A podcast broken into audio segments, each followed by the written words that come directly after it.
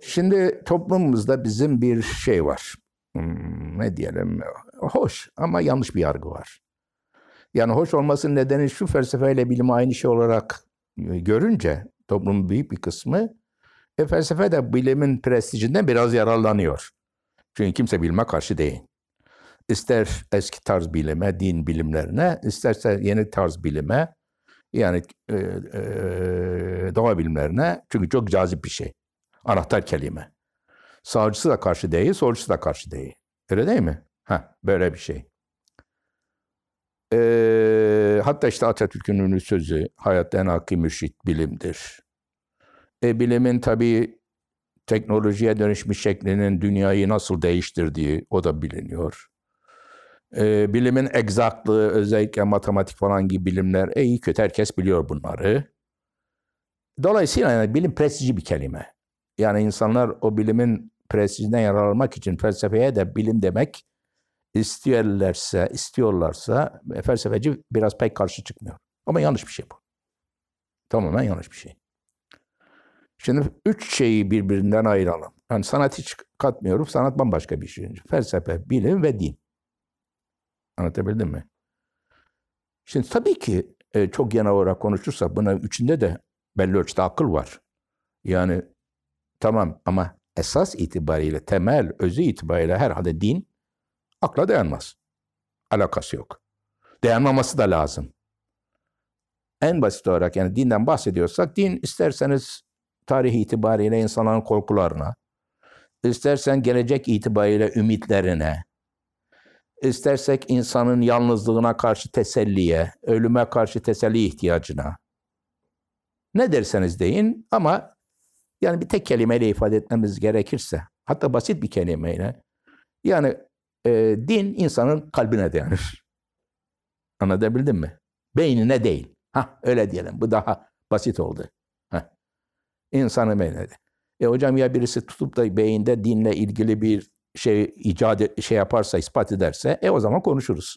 Bazen söylüyorlar hani beynin belli yeri işte bilmem konuşmak için bir yeri şunun için inanmak için de beynin şöyle bir yeri varmış diyorlar. Olabilir. Yani o da yorumlanabilir. Peki. Şimdi geldik felsefeyle bilime. İkisine ne dedim? İkisi de bilgi değerine sahip olma iddiasında. Bilgi değerine. Ama ikisinin bilgi iddiası deyim yerindeyse aynı ölçüde değil. Bilim hem bilgi iddiasına sahip hem bilgi. Felsefe bilgi iddiasına sahip ama bilgi değil. Ama bu içinde felsefenin de bilgi olmadığı anlamına gelmiyor. Neden? E çünkü hem kaynakları zihin hem amaçları evren hakkında bilgi vermek hem de e, o e, felsefe denilen etkinlik içinde ister ahlak, ister siyaset, ister başka alanlar olsun belli bir ölçüde bilgi de var. Yani bilgi yok değil. Orada da bilgi var. Biraz evvel konuştuk işte siyaset söz konusu olduğu zaman hangi rejimler niye iyidir, insan doğası hangi rejim için daha uygundur veya hangi bunlar işte bilgi de var. Şimdi felsefenin e, bilimle ilgisine gelelim. Felsefenin bilime ihtiyacı var. O doğru. Yunan felsefesi de zaten deyim yerindeyse felsefe ile bilimi birbirinden ayırt etmeyerek gelişmiştir. Filozofların birçoğu hatta modern zamanlara kadar da aynı zamanda bilim adamıdır. Aristoteles biyologdur. Büyük bir biyologdur. Ee, şey ne diyelim e, Platon büyük bir matematikçidir. Öyle değil mi? Descartes büyük bir matematikçidir. Bertrand Russell büyük bir matematikçidir. Yani gördüğünüz gibi yani aynı zamanda bu adamlar e, herhangi bir bilim dalında da ya bizzat kendisi de katkıda bulunan, kontribüsyon yapan büyük bir bilim adamıdır. Platon gibi, Aristoteles gibi. Veya bilimle çok haşır neşir olan insanlardır. Çünkü bilgi iddiası var. Ama gene de arada farkı gösterdik. Bilginin, bilimsel bilginin ne olduğu belli bilimsel bilginin bilgi olduğunu tespit ve tahkik etmek için kullanmamız gereken ölçütler de belli. Yani çok en basit olarak söylerim. Doğru bilgi olduğunu gösterebileceksin. Öyle gösterirsin, böyle gösterirsin. Deney yaparak gösterirsin, başka bir şekilde gösterirsin. Öyle değil mi? E, felsefede ileri sürülen herhangi bir tez, bir doktrin, bir kuram, hı? bir iddianın doğru olduğunu tırnak içinde söylüyorum. Tırnak, doğru olduğunu gösteremezsin. E ama diyeceksin, e niye bize şey geliyor? E, hoş geliyor, doğru gibi geliyor. E doğru gibi geliyor çünkü doğru gibi olduğu için doğru geliyor. Bilmem anlatabildim? Bak doğru gibi gelmek önemlidir. Ne dedim ben? Locke'sun sen liberal bir filozofsun. İyi bir rejim yönetilenlerin rızasına dayanan bir rejimdir. E doğru gibi geliyor. Hiç kimse yönetilenin rızasına dayanmayan, onların tam tersi karşı çıkan bir rejim, iyi bir rejimdir cümlesi ne söylemez. Söyleyemez. Bilmem anlatabildim mi? Ona karşı çıkan bir Platon bile olsa şöyle der. Onlar için e, iyi gibi gelmeyen ama aslında iyi olan rejimdir bu. Bak biraz geçti gene. Çünkü onlar bilemezler kendileri için neyin iyi olduğunu. Şey öyledir e, Platon.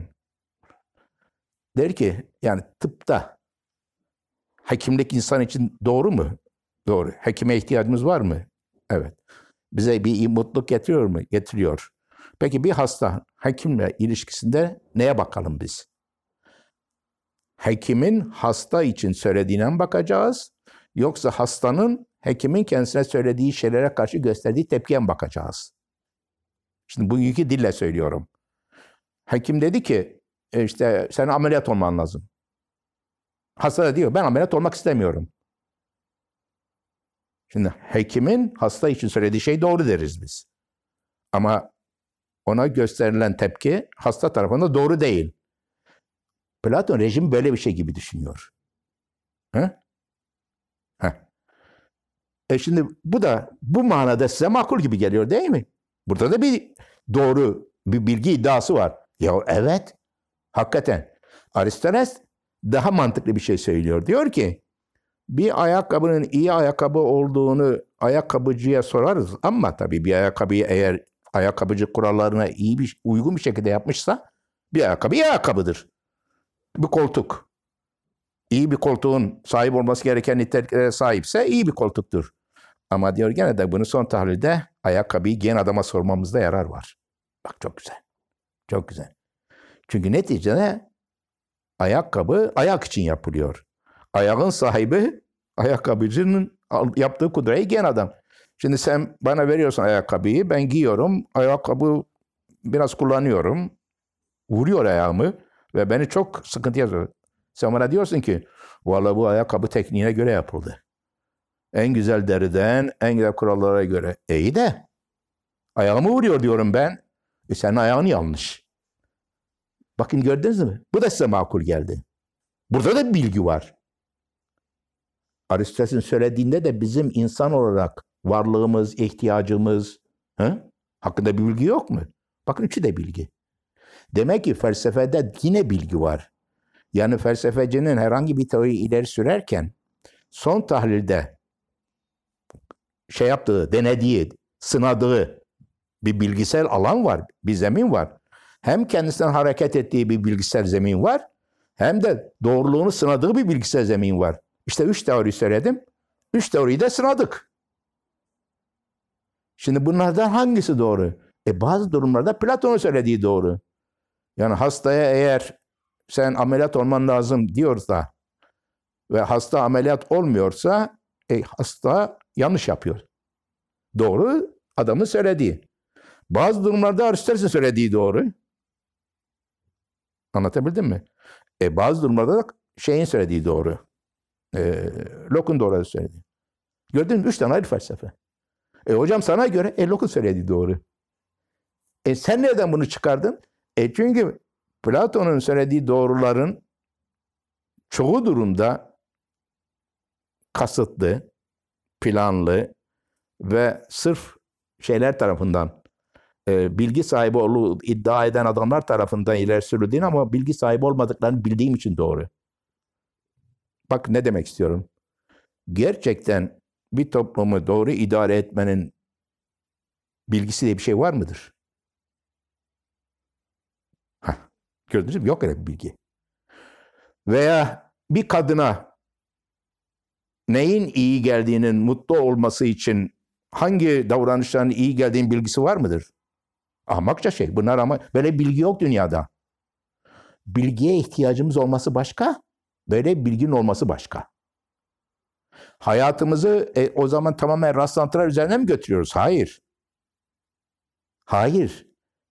Yani Nasrettin Hoca'nın dediği gibi efendim hocam neyi seversin? Ee, yokuşu mu yoksa inişi mi seversin? Ulan demiş düz yol yok mu? Yani anladın mı ne demek istediğimi?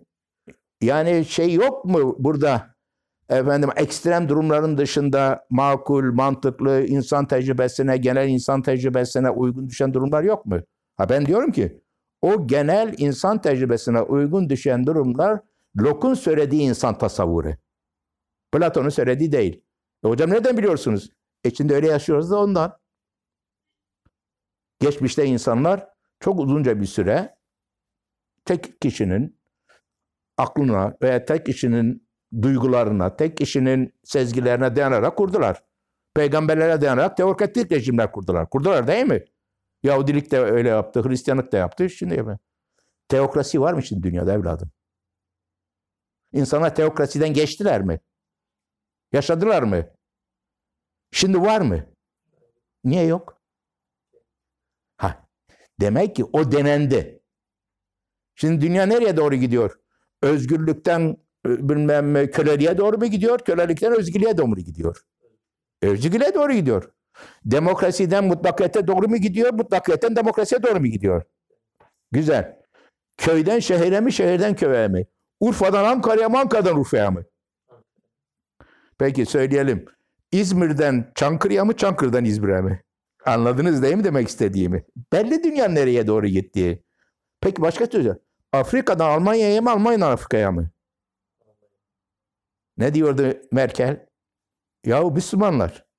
Öyle dedi değil mi geçen gün? Bizi beğenmiyorsunuz. Hiçbirimizin, e, hiçbir kurumumuzu beğenmiyorsunuz. Ama bu beğenmediğiniz rejim içinde, toplum içinde yaşamak için de Akdeniz'e atlayıp boğulup gidiyorsunuz. Aynen bunu söyledi. Hiçbir Alman'ın Akdeniz'i böyle sallarla geçip aman bir Nijerya'da yaşayayım, efendim Somali'de yaşayayım dediğini duydunuz mu? İsterse gider yaşar. Acaba ne diyeyim anladınız mı evladım? Heh. Gene tecrübeler öğreniyoruz. İşte ben akıl derken hep bunu kastediyorum. Akıl dediğim bu benim. İnsanların geçmişten bu yana sahip olduğu tecrübeler. E biz niye bunu görmüyoruz? Niye bunu kabul etmiyoruz? E çünkü farkında bile değiliz hakikaten onların da ondan. Yani bizim dünya ile ilişkimiz bilgi ilişkisi değil. Netice itibariyle sorumuzun neydi sorunun cevabı? Bilim ve felsefesine ilişkiler. Bilim felsefe değil, felsefe bilim değil, ikisi de din değil. Bilimle felsefede akıl, bilgi talebi ihtiyacı var. Felsefe bilimden veya bilimsel doğrulardan veya daha genel doğrulardan yararlanıyor. Ama iddiaları bilimki kadar şey değil, ne diyelim, e, kesin, kanıtlanabilir değil. E, ama bu da hem felsefenin meziyeti hem zaafı. Bakın, bilim kadar kesin olmaması bir zaaf diyelim. Öyle değil mi? Ama meziyeti ne? Daha plastik, daha genel, her tarafa uygulanabilir olması. Şimdi sen evlenmek için e, veya çocuk yetiştirmek için fiziğe mi başvuruyorsun? Matematik. Anladın mı? E hayatta en hakkı müşrit ilimdir. Hayatta en hakkı müşrit ilim falan filan değildir. Kusura bakma. Çünkü bilimin burada bize söyleyeceği şeyler yoktur. Bilim bize doğru nedir, yanlış nedir, iyi nedir, kötü nedir bunları söylemez ki evladım. Eğer bilimi dünyaya akılcı bir bakış açısı olarak kabul ediyorsa söyler. Bilimi bir ahlakı da vardır. Bilim aynı zamanda bir ahlaktır. Doğruya gözünü kapamamak.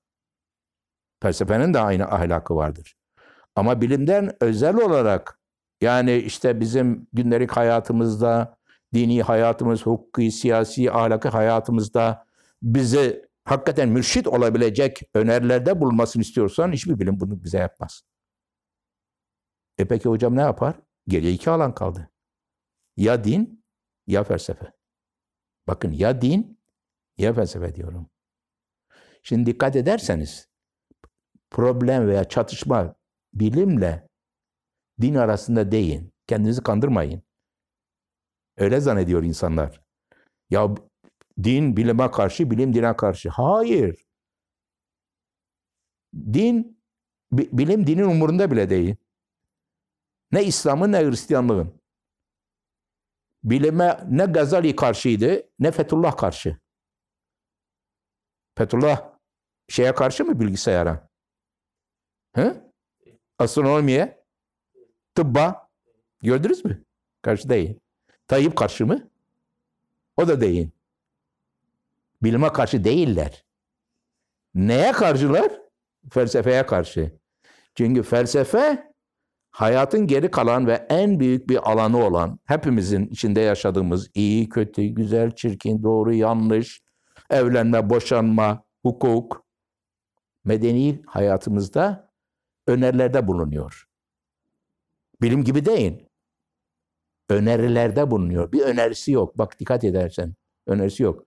Kimisine sosyalizm, kimisine liberalizm, kimisine komünizm, kimisine idealizm, kimisine bilmem ne, kimisine bireycilik. Herkes bir yerden gidiyor. Ve bunu bir yerde yaşayabiliyorlar. Yani din kendisine aslında rakip olarak bilimi görmüyor. Biliyor bilimden kendisine şey yok.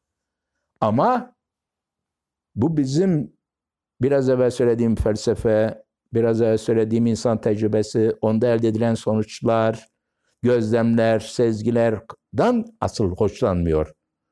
Asıl ondan hoşlanıyor. Fethullah hiç sevmezdi. Anlatabildim mi? Anlıyor musunuz ne demek istediğimi?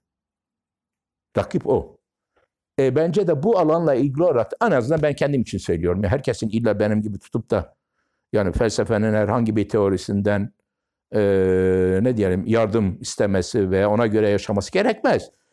Bazı insanlar dine uygun olarak yaşasınlar. Beni de ilgilendirmez yani ona yaşayabilirler ama ama problem bu iki alan arasındaki rekabettedir. Ben seçimim insan olarak felsefedir. Din değildir. Evladım kamusal alanımız bizim yok. Bizim bir tek alanımız var. Devletin alanı. Devletin alanı kamusal alan değildir. Kamusal alan ne demekti biliyor musun? Üç türlü alan var. Basit olarak söyleyeyim. Bir, kişilerin bireysel, kişisel alanı. Ne demektir? Yani benim karımla, çocuklarımla, ailemle veya yakın dostlarımla birlikte yemek yedip içtiğimiz konuştunuz. Bu kamusal bir alan değil. Ev, yemek, mey, meyhane. Anlatabildim Bu kamusal alan değil bu. Hı. İki, devletin alanı var. Devletin alanı söylememe ihtiyaç bile yok. Evet. Üç, bizim devletin dışında yani bir toplumun üyelerinin devletin dışında, devletin yasalarının ve hukukun dışında birbirleriyle karşılaştıkları ve birbirle ilişkiye girdikleri alan. Bak evladım kamusal alan çok basit. Bak. Burası burası bak şimdi birlikte beş kişi oturuyoruz. Devletin mi alanı, kamusal mı alan, bireysel alan mı? Şahsi alan mı? Burası şu anda. Çok güzel. Ayakkabıları kapının dışında bırakalım mı dediniz? Bırakmayın dedim. Kapının dışı kamusal alan. Asansör kapısı alan. Arabayı getirip park ettiğiniz yer, şu evin önü, orası kamusal alan. Park kamusal alan. Trafik kamusal alan. Ne dediğimi anladınız mı? İşte kamusal alan bu. Şimdi bizde kamusal alan diye bir şey yok. Biz ya kamusal alanı kendi özel alanımız gibi yönetmeye kalkıyoruz. Zorbalıkla. Ya nasıl kendi karımızı, kızımızı dövüyoruz, mövüyoruz, emirler veriyoruz. Apartmanda da öyle yapıyoruz. Ben apartmandakilere diyorum ki ayakkabılarınızı dışarı bırakmayın. Bu kamusal alan. Adam böyle eğer bir de şeyliyse, hacüsseliyse bana dikiliyor. Anladınız mı? Bak dikildiği andan itibaren artık adamın kendi özel alanı burası. Yani sadece kendi evi değil. Sahanlık da adamın alanı. Asansör de kendi alanı. Ki bizim gündelik hayattaki bütün ilişkilerimiz bu, bu böyle devam etmiyor mu? Ha. Veya devletin alanı. Şöyle diyor adam. Parkta diyelim ki adam e, birlikte müşterek olarak oturuyoruz. Bir şeyler yapıyoruz çocuğumla. Biri geliyor e, oradaki bir şeyi koparıyor. Veya ayağıyla bilmem havuzun içine giriyor. Ama giremezsin diyorum. Sana sana seni ne ilgilendirir? Sen polis misin? Devlet misin sen diyor. Şimdi gördünüz mü ne demek istediğimi? Şimdi anladın mı ne demek istediğimi? Heh. Adam için iki alan var. Ya kendi alanı, özel alanı, mümkün olduğu kadar özel alanı genişletiyor. Heh. Veya devletin alanı. Şimdi gavur için böyle bir şey yok. Batılılar için böyle bir şey yok. Gavur için kendi alanı var. Devlet de var. Ama bir de kamusal alanı var. Kamusal alan tekrar ediyorum toplumun toplum olarak üyelerinin birbiriyle karşılaştıkları alan. Toplumun toplum olarak üyelerini diyorum dikkat et. Toplumun devletin şeyi olarak değil, mensubu olarak değil. Bir örnek verdim eee, geçen gün yaptığım röportajda örnek tekrar veriyorum. Bundan iki ay evvel Lizbon'dayım. En geniş caddesi. Orada bir takım kulvarlar var değil mi? Yollar var. İşte insanlar e, arka arkaya sıra halinde üç sırada düzenlenmişler. En sağda bir kulvar var. Orada hiçbir araba yok. Bakıyorum böyle merak ettim. Çünkü en sağdaki araba, en sağdaki kulvar oradan en kısa zamanda e, e, sağa geçmek için düzenlenen. Şimdi baktım. Hiç kimse geçmiyor oraya. Hiç kimse oraya girmiyor. Düşündüm niye girmiyor? Ha şimdi düşünelim niye girmiyor? E canım polis var orada. Polis yok orada. Orada polis yok. Anlatabildim mi? E çok merhametli insanlar bir araya geldiler o sırada. Hayır o da değil. Şundan dolayı girmiyor. Onu birisi yapmaya kalktığı zaman o trafikte geri kalan ne kadar araba varsa hepsi fırlayacak. Ne dediğimi anladın mı? Ve adam da başına gelecek tepkileri biliyor. Yani illa bir çatışma olması gerekmez. Sonra da işin içine polis de girebilir ama oraya girmeden evvel o kamu bilinci, heh, kamu ruhu, kamu baskısı, kamu bilmem nesi onu engelliyor. Biliyor yani bunu yaptığı andan itibaren bunu yaptığı andan itibaren bir kamu kamu şeyi olacak. Kamu tepkisi olacak. Şimdi biz de bunu yapıyor muyuz hepimiz? Yapıyoruz. Bunu birimiz kamu bilinci olan, heh, kamu duygusu olan bir sağa kalkıyor. Ya kardeşim niye bunu yaptın? Ah siktir lan falan diyor. Diyor mu? Hatta şunu demiyor mu? Ulan sen polis misin? Sen zabıta mısın? Sana ne? Bizde kamu yoktur.